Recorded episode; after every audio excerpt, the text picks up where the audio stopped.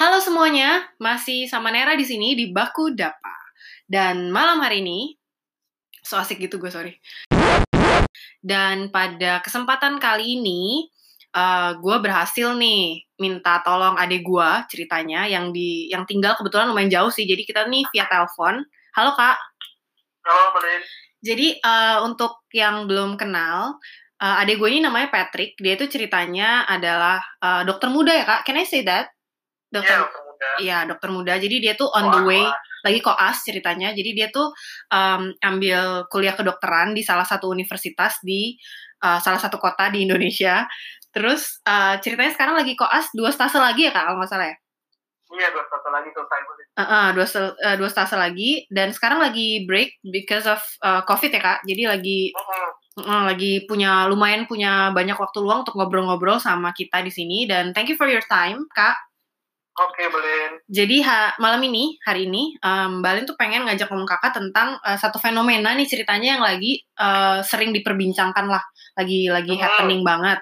Uh, dan kita tuh mau minta tolong kakak untuk jelasin um, secara medisnya dari segi medis uh, berharap nanti yang dengerin podcast Balin tuh bisa uh, tambah kasanah uh, pengetahuan di bidang ini gitu. Syukur-syukur kalau misalnya tertarik kemudian bisa uh, memperkaya diri, uh, mengedukasi diri sehingga uh, apa namanya bisa lebih tahu dari hal-hal ya beberapa hal medis yang kita omongin. Nah, tema apa itu? Tema malam ini, ceritanya tema malam ini tuh tentang angin duduk, Kak. Tahu kan? Angin duduk. Iya, pernah dengar kan? Ya, jadi angin duduk ini sebenarnya yang menarik itu kan banyak banget mitos-mitos uh, yang terjadi sama angin eh maksudnya yang kita dengar uh, tentang angin duduk gitu kan. Nah, sebenarnya Mbak tuh pengen tahu, uh, uh, Mbak tuh pengen tahu dari segi medisnya tuh sebenarnya apa sih yang terjadi kalau orang kena angin duduk gitu? Hmm, jadi angin duduk itu sebenarnya bahasa awam, Mbak. Mm -hmm. Jadi kalau Mbak tanya sebenarnya ke mm -hmm. orang medis mm-hmm. angin duduk itu apa sih mm-hmm. mereka nggak bakal mereka tahu maksudnya tahu tapi sebenarnya itu bukan nama penyakit gitu loh oke okay. mungkin yang dibicarakan orang-orang angin duduk itu mengarah ke angina pectoris balik kalau dalam bahasa medisnya angina pectoris angina pectoris uh-uh. jadi mungkin memang ada sama-sama ada unsur angin-anginnya tapi itu nggak yeah. ada hubungannya ya sebenarnya oh oke okay. uh, jadi angina pectoris nah mm-hmm. angina pectoris itu sebenarnya uh, itu sebenarnya rasa nyeri, Brin. Mm-hmm. Rasa nyeri yang timbul akibat adanya gangguan suplai darah mm -hmm. ke otot-otot jantung. Oh, oke okay, oke okay, oke. Okay. Nah, dan gangguan suplai ini bisa karena penyempitan pembuluh darah mm -hmm. atau uh, penyumbatan pembuluh darah. Jadi bisa penyempitan atau penyumbatan. Oh, oke. Okay. Berarti it's it's very serious actually ya. Bukan bukan yeah. hanya masuk angin atau atau flu atau gitu ya. Bukan, bukan. Hmm. Ini ini masalahnya menyangkut jantung sih. Jadi serius. Oke, okay, oke. Okay.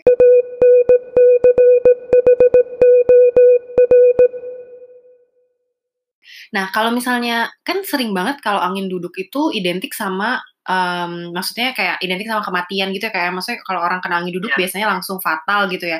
Nah, itu tuh sebenarnya ada ada ada hal yang bisa kita prevent ada kegiatan preventifnya nggak sih tentang angin duduk itu? Maksudnya apakah bisa diketahui gejala-gejala awalnya atau memang udah sekali kena tuh fatal gitu? Jadi uh, angin duduk atau angin pectoris disebutnya angin pectoris saja kali ya lebih supaya lebih iya. jelas gitu. Iya, iya, supaya familiar juga. Nah. Uh, jadi nyeri atau angin pectoris ini ini kan seperti yang paling ketahui juga, mungkin teman-teman tahu juga bahwa itu keadaan serius. Yeah. Karena ini menyangkut uh, otot jantung gitu. Mm -hmm. Mm -hmm. Di mana jantung ini fungsinya memompa darah mm -hmm. ke seluruh tubuh untuk mensuplai oksigen. Mm -hmm. Nah, uh, angina pectoris ini terjadi akibat pembuluh darah di jantung hmm. yang fungsinya menyuplai darah ke otot-otot jantung ini tersumbat atau tadi uh, menyempit, yeah. Oke, uh-huh. menyempit lah. Mm -hmm.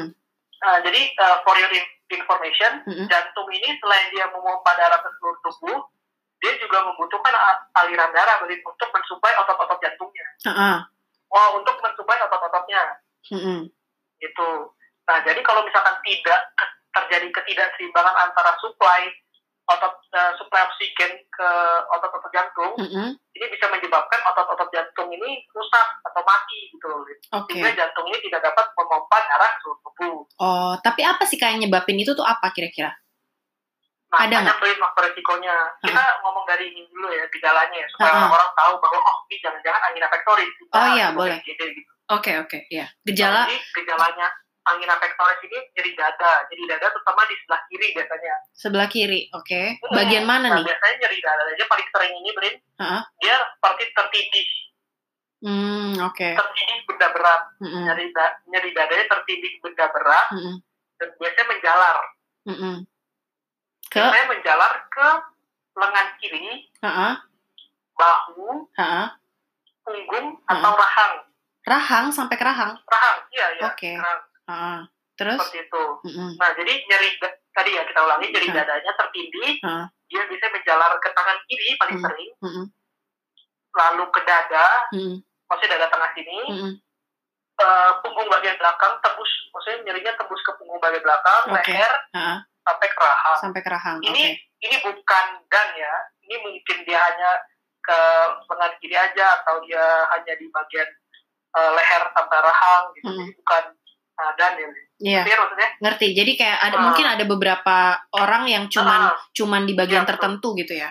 Uh, uh. Dan biasanya juga gejala-gejala tadi, gejala nyeri yang di bagian kiri ini disertai dengan keringat yang berlebihan. Oke. Okay. Uh seperti itu lalu hmm. bisa terjadi bahkan mual muntah hmm. Hmm. pusing sesak nafas bahkan sampai pingsan hmm. nah oh, itu okay. itu kita curiga ke angina pectoris hmm. itu lebih uh, itu mirip sama serangan jantung ya kak ya memang sebenarnya serangan jantung tuh ya karena ini kan permasalahan pada sama apa ya? namanya pembuluh darah pembuluh darah iya, ya, iya. sama tapi angina pectoris jadi dadanya jadi dada jadi oh. dadanya gitu Oh, jadi angina pectoris itu adalah bagian dari serangan jantung itu gitu ya? Ya, bisa dikatakan seperti itu. Ini ini main amatiran banget gak sih? Jadi okay. kita kita bahas ngomong bahasa gampangnya aja iya, ya. Iya, iya. Nyeri dada itu eh, angina pectoris itu nyeri dada akibat penyakit jantung koroner gitu. Paling sering disebabkan oleh uh, jantung koroner gitu. Oh, oke okay, oke. Okay. Sekarang hmm. lebih jelas. Iya, betul betul betul. Ya kan jadi hmm. dadanya itu namanya angina pectoris. Angina pectoris. Oh, oke okay, oke. Okay. Jadi itu bukan terpisah sebenarnya. Ya, oke. Okay. Kan ada tuh beberapa yang paling denger juga sih dari orang-orang sekitar tuh kadang-kadang kalau orang sakit, nyeri, nyang, uh, apa nyangkanya tuh masuk angin dikerok terus habis itu udah gitu kan. Nah, Bahwa, itu tuh sering jadi permasalahan juga, Belin. Iya, gimana jadi, gimana? banyak banyak apa namanya? banyak kasus ya hmm. yang pernah mungkin kakak juga pernah ketemu mungkin di kasus di IGD gitu hmm, hmm. jadi ada orang datang ke IGD itu udah dalam keadaan uh, sudah tidak sadarkan diri uh -huh.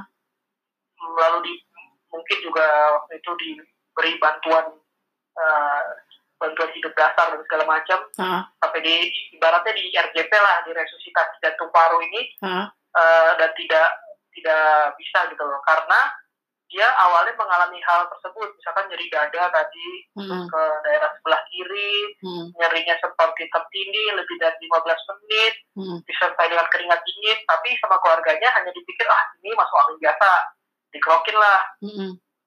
dikerokin agak sedikit berkurang memang mungkin ya mungkin hmm. ada juga yang nggak berkurang kebetulan waktu itu berkurang sedikit uh-huh. lalu dia tinggal tinggal tidur habis hmm. itu uh, dibangunkan udah dalam keadaan seperti itu. Oh. Jadi ya sering sekali disalah kaprahkan dengan masuk angin biasa.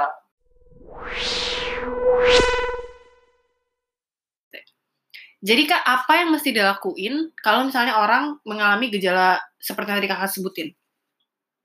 Ya, uh, jadi yang harus dilakukan kalau misalkan ada menemukan orang dengan gejala seperti itu atau kita mengalami hal seperti itu, itu harus segera dibawa ke dokter baik hmm. terutama maksudnya dibawa ke IGD kalau hmm. misalkan uh, jangan ke poli ya karena kalau kasus-kasus kayak gitu ke poli itu kelamaan berusaha karena harus nunggu dulu nunggu dipanggil antrian hmm. Hmm. Jadi langsung Jadi, ke IGD. Harus secepatnya ke IGD. Hmm. Emang apa sih yang kira-kira akan dilakuin? Uh, maksudnya prosedur apa yang akan dihadapi sama kan banyak kayak orang-orang kayak takut uh. atau apa gitu. Tapi bisa nggak dijelasin sedikit kira-kira uh, apa yang kira-kira bakal di uh, tindakan apa yang dilakukan gitu kalau misalnya orang di IGD dengan kasus tersebut, dengan keluhan seperti oh, itu. Ya. Ini sekaligus mengedukasi uh, pendengar ya, pendengar. Yeah. Okay, okay. untuk good, good. Uh, bagaimana sistem kerjanya di IGD gitu ya. Uh, uh. Jadi di IGD ini begitu ada kasus nyeri dada, hmm. terutama nyeri dada yang kas angina, kita hmm. sebutnya nyeri dada kas angina. Kas angina. Yang tadi kita kas nyeri dada kas angina yang tadi yang kakak sebutkan uh, uh. nyeri dada uh, pada bagian kiri, yeah terasa seperti tertindih beban berat, uh. menjalar ke tangan kiri lebih dari 15 menit, hmm. disertai dengan keringat dingin, hmm. seperti itu, itu namanya nyeri dada kasamina, uh. itu sebutnya nyeri dada kasamina. Oke. Okay. Eh, maksudnya nyeri dada angina, hmm. nyeri dada kasamina, ya hmm. maksudnya nyeri dada kasamina. Iya, yeah, ngerti, ngerti. Potong aja ini ya. Oke, okay, enggak, enggak ya, Nyeri dada angina gitu. Uh. Jadi nyeri dada angina ini, uh. begitu di itu dokter pasti akan uh, segera ngurusin yang ini gitu pasien ini. Uh. Oh, karena di IGD juga prioritas ya? Salah satu pegawai daruratan gitu loh. Uh -huh. Nah, di sana biasanya dokter biasanya akan melakukan analisis singkat sambil melakukan pemeriksaan. Oke. Okay.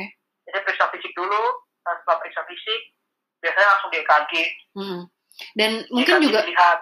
Uh, hmm? Dan mungkin juga Mana? buat buat pendengar yang belum tahu, kalau misalnya kan sering juga Mbak Lin ada beberapa sempat baca atau atau dengar selentingan gitu, Ih, gila gue di IGD lama banget ini dokternya. Yeah. Dan you should be grateful ya kalau misalnya lu yeah. di ditanganinya agak lama karena memang ini yeah. Iya. uh, berdasarkan prioritas kalau gitu. IGD, kalau di IGD Anda tidak ditangani itu ada dua dua dua apa namanya Alasan. dua hal. Uh -huh. Ada dua kejadian. Uh -huh. IGD-nya rame banget. Uh -huh.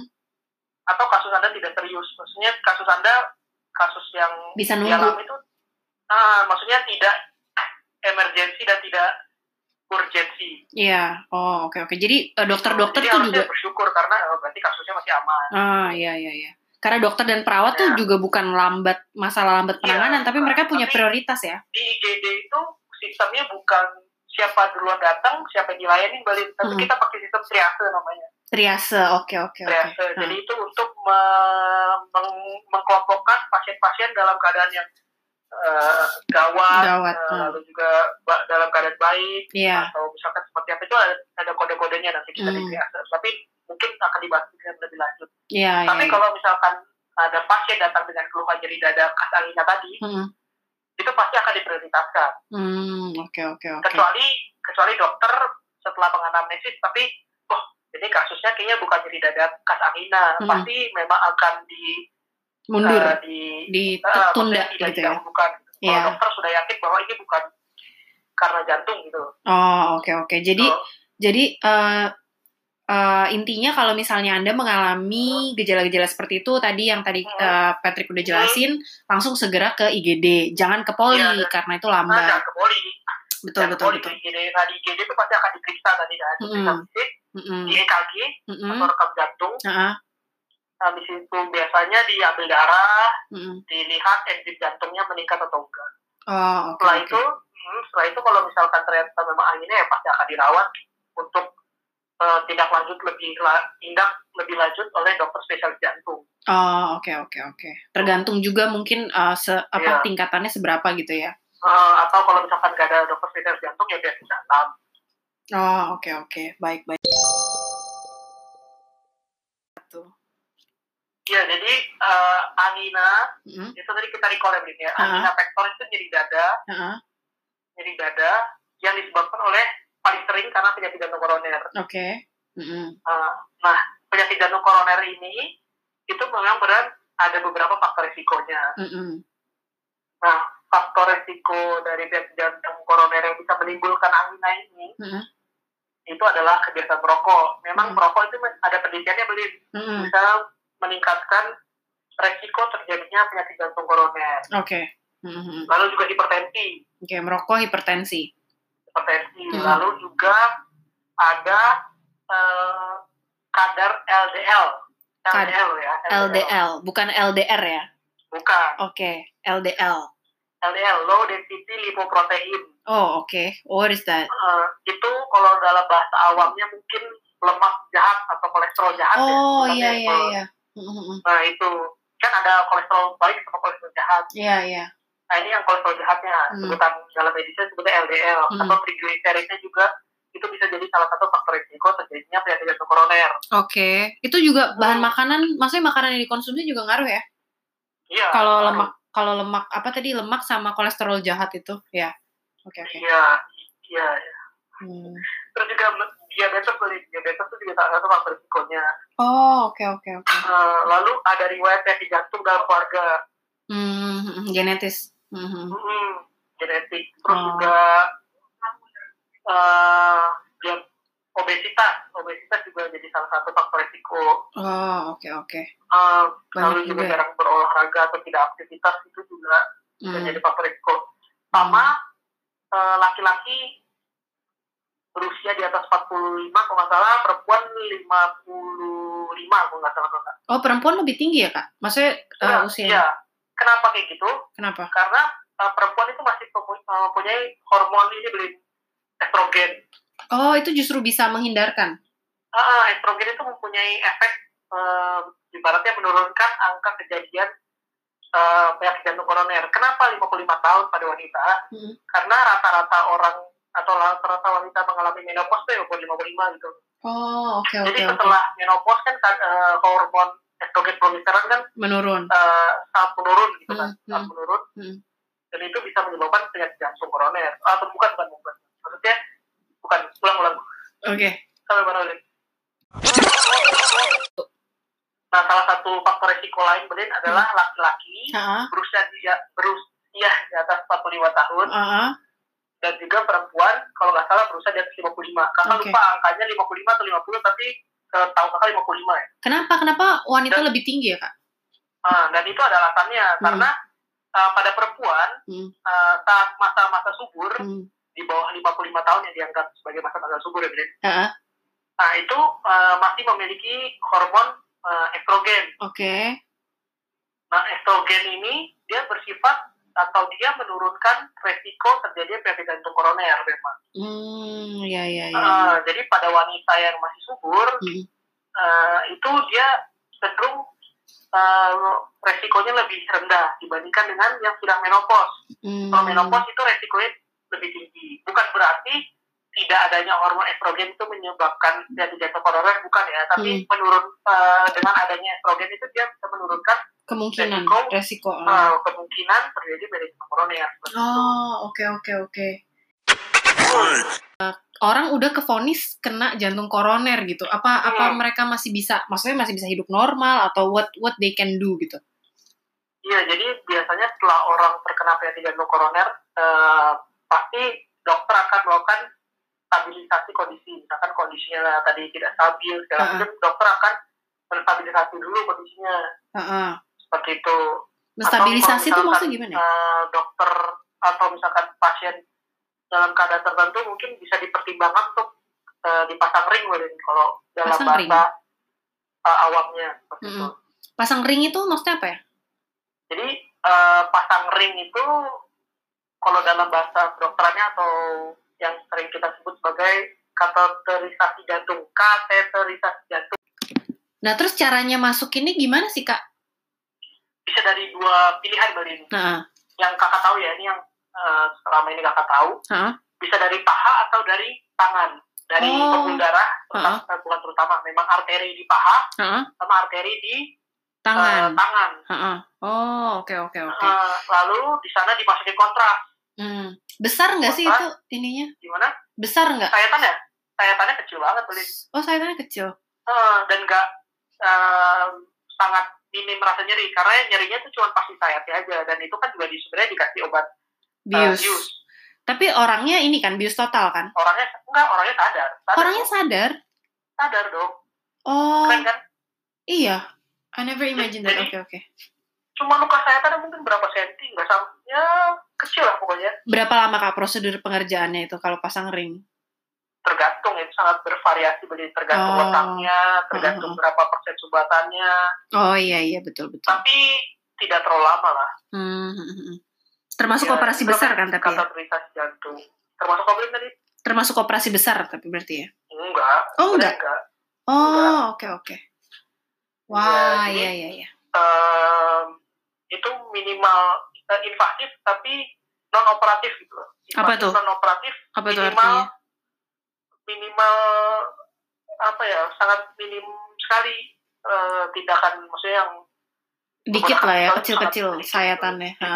mm di sayatnya tuh sangat minimal hmm oke oke gitu. oke oke jadi uh, wah lumayan panjang juga ya kita ngobrol ya dari tadi awalnya bahas angin duduk sampai ternyata gejalanya sampai, sampai angin jongkok sampai udah nggak duduk lagi tapi jongkok wow wow wow ini dipotong nggak ya nggak salah oke okay. jadi jadi kayak uh, dari awal kita bahas angin duduk terus sekarang uh, udah masuk ke prosedur kateterisasi, cie, bener kan ngomongnya? Iya. Kateterisasi. Uh, nah sekarang untuk last message di episode ini nih kak, kira-kira apa yang bisa kakak sampaikan uh, dari sisi medis untuk uh, mungkin precaution atau prevention atau uh. apa pun lah kayak take home message-nya buat kita para pendengar semua.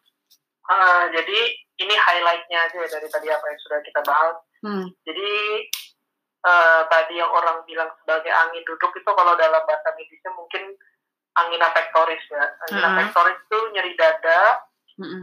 akibat adanya penyumbatan atau penyempitan uh, pembuluh darah di jantung uh -huh. seperti itu. Uh -huh. Nah pembuluh darah ini kan fungsinya menyuplai uh, oksigen ke otot-otot jantung uh -huh. seperti itu. Uh. Jadi kalau misalnya tersumbat atau penyempit itu tipe rasa nyeri yang disebut sebagai angina pectoris. Uh -huh. Nah Uh, dan ini penting untuk diketahui. Tadi angina pectoris ada beberapa gejala. Mm uh, yaitu nyeri dada seperti tertindih mm uh, atau seperti ya tightness gitulah di uh -huh. situ di dada mm -hmm. dan biasanya uh, menjalar nyerinya nyerinya okay. menjalar ke bagian sisi kiri uh -huh. lengan sampai ke tangan bahkan -hmm. dan juga bisa menembus ke punggung -hmm. bahu -hmm. uh, bahkan sampai ke rahang seperti okay. itu mm, rahang kiri hmm. dan nyeri dadanya itu biasanya durasinya lebih dari 15 menit. Hmm. Seperti itu, nyeri okay. dadanya seperti itu. Lalu juga biasanya disertai dengan keringat dingin, hmm. rasa mual muntah, hmm. bisa bahkan sesak nafas, hmm. bahkan seperti pingsan. Hmm. Itu nyeri dada angina. Hmm. Iya, dan itu nyeri dada angina ini butuh perhatian khusus karena ini sangat uh, berbahaya. Yeah. Butuh penanganan segera di IGD. Yeah. Jadi kalau misalkan uh, teman-teman atau segala macam tahu ada orang yang mengalami hal seperti ini atau amit-amit mengalami hal seperti ini tuh harus langsung di IGD jadi hmm. jangan ditunda-tunda dengan dikerok atau segala macam karena uh, kalau orang jantung atau kardiologis bilang itu time is muscle time semakin is muscle lama, uh, semakin lama menunda hmm. semakin banyak otot jantung yang mati oh oke okay. ya yeah, itu yeah, yeah. time is muscle jadi segera mungkin IGD nanti di GD dokter akan uh, melakukan pemeriksaan dan segala macam dan hmm. menentukan apakah ini berkaitan dengan jantung atau tidak. Hmm. Kalau misalkan berkaitan dengan jantung akan di uh, stabilisasi kondisinya dulu, ha? lalu akan dirawat oleh dokter jantung. Hmm. Nah dokter jantung ini akan me memilah-milah apakah hmm. ini harus dilakukan tindakan kateterisasi atau bisa dengan pengobatan. Itu uh, wewenang dari dokter jantung. Hmm, oke oke oke. Hmm. Nah, terus untuk gaya hidup? Ya, tadi kan ada beberapa faktor resiko yang sebenarnya bisa dimodifikasi. Mm -hmm. Misalkan kayak kebiasaan merokok, lalu tekanan darah tinggi, mm -hmm. kadar kolesterol jahat yang tinggi, mm -hmm. lalu juga harus rajin berolahraga, yeah. dan segala macam. Mm, memang harus dikembangin lifestyle sehat ya, ya kayak. Ya? harus diperbaiki lah. Iya, iya. Gitu. Oke. Okay. Oke, terima kasih atas waktunya ya Kak. Ini keren yeah. banget, uh, jelas banget. Uh, honestly buat Mbak Alin juga yang masih awam-awam gini, uh, jadi tahu lebih banyak gitu. Jadi hopefully kita yeah. bisa ngobrol-ngobrol lagi ke depannya dengan tema-tema yang berbeda. Mm-hmm. Thank you. bermanfaat, Mbak Alin. Terima Dan kasih. satu lagi, oh iya. Lupa ngomong tadi. Iya, iya, silakan. Jadi angin angina ini sering banget disalah kaprahkan dengan nyeri nyeri ulu hati karena asam lambung, Karena tempatnya oh. di situ juga. Oh iya bener kayak suka mah gitu ya. Orang malah iya, minum obat mah. mah. Jadi orang banyak yang ditanya meninggal kenapa sakit mah. Uh, Aduh. Mungkin bener sakit mah tapi kayaknya sakit mah yang mendadak itu kayak jarang yang mungkin sampai meninggal gitu. Jadi harus berhati-hati kalau misalkan ragu-ragu atau segala macam mending langsung ke dokter. Langsung ke dokter ya. Jangan males buat iya. check up ya. Biasanya iya, orang cenderung kalau bisa sih kalau sudah mengalami hal seperti itu yang mencurigakan gitu jangan dibawa ke tempat yang lain lah saya yeah. iya. atau dikerokin sendiri gitu uh -huh. dengan bawa ke Iya iya benar benar benar. Oh oke okay, oke. Okay. Terus tapi tunggu gara-gara kakak ngomong ini banyak juga jadi antar balin edit aja jadi ini yang di depan. Kak cuman kalau misalnya kalau misalnya uh, kan sering banget uh, penyakit angin duduk ini atau angina pectoris ini disalahgunakan kayak uh, apa namanya kayak orang sakit mah gitu ya karena hmm, lokasinya tadi uh, disalah iya kayak agak-agak keliru orang jadi minum hmm. obat mah segala macam ada perbedaannya nggak sih sama sakit mah. Perbedaannya. Uh-uh. Yang... Jadi tadi kalau nyeri angina pectoris tuh khas banget tadi tadi yang kakak sebutin nyeri angina nyeri kas angina itu loh. Hmm. Jadi oh, dadanya di iya. sebelah kiri paling sering menjalar ke lengan kiri, oh, okay, ke okay. tangan seperti tertindih hmm. atau tightness gitu. Uh.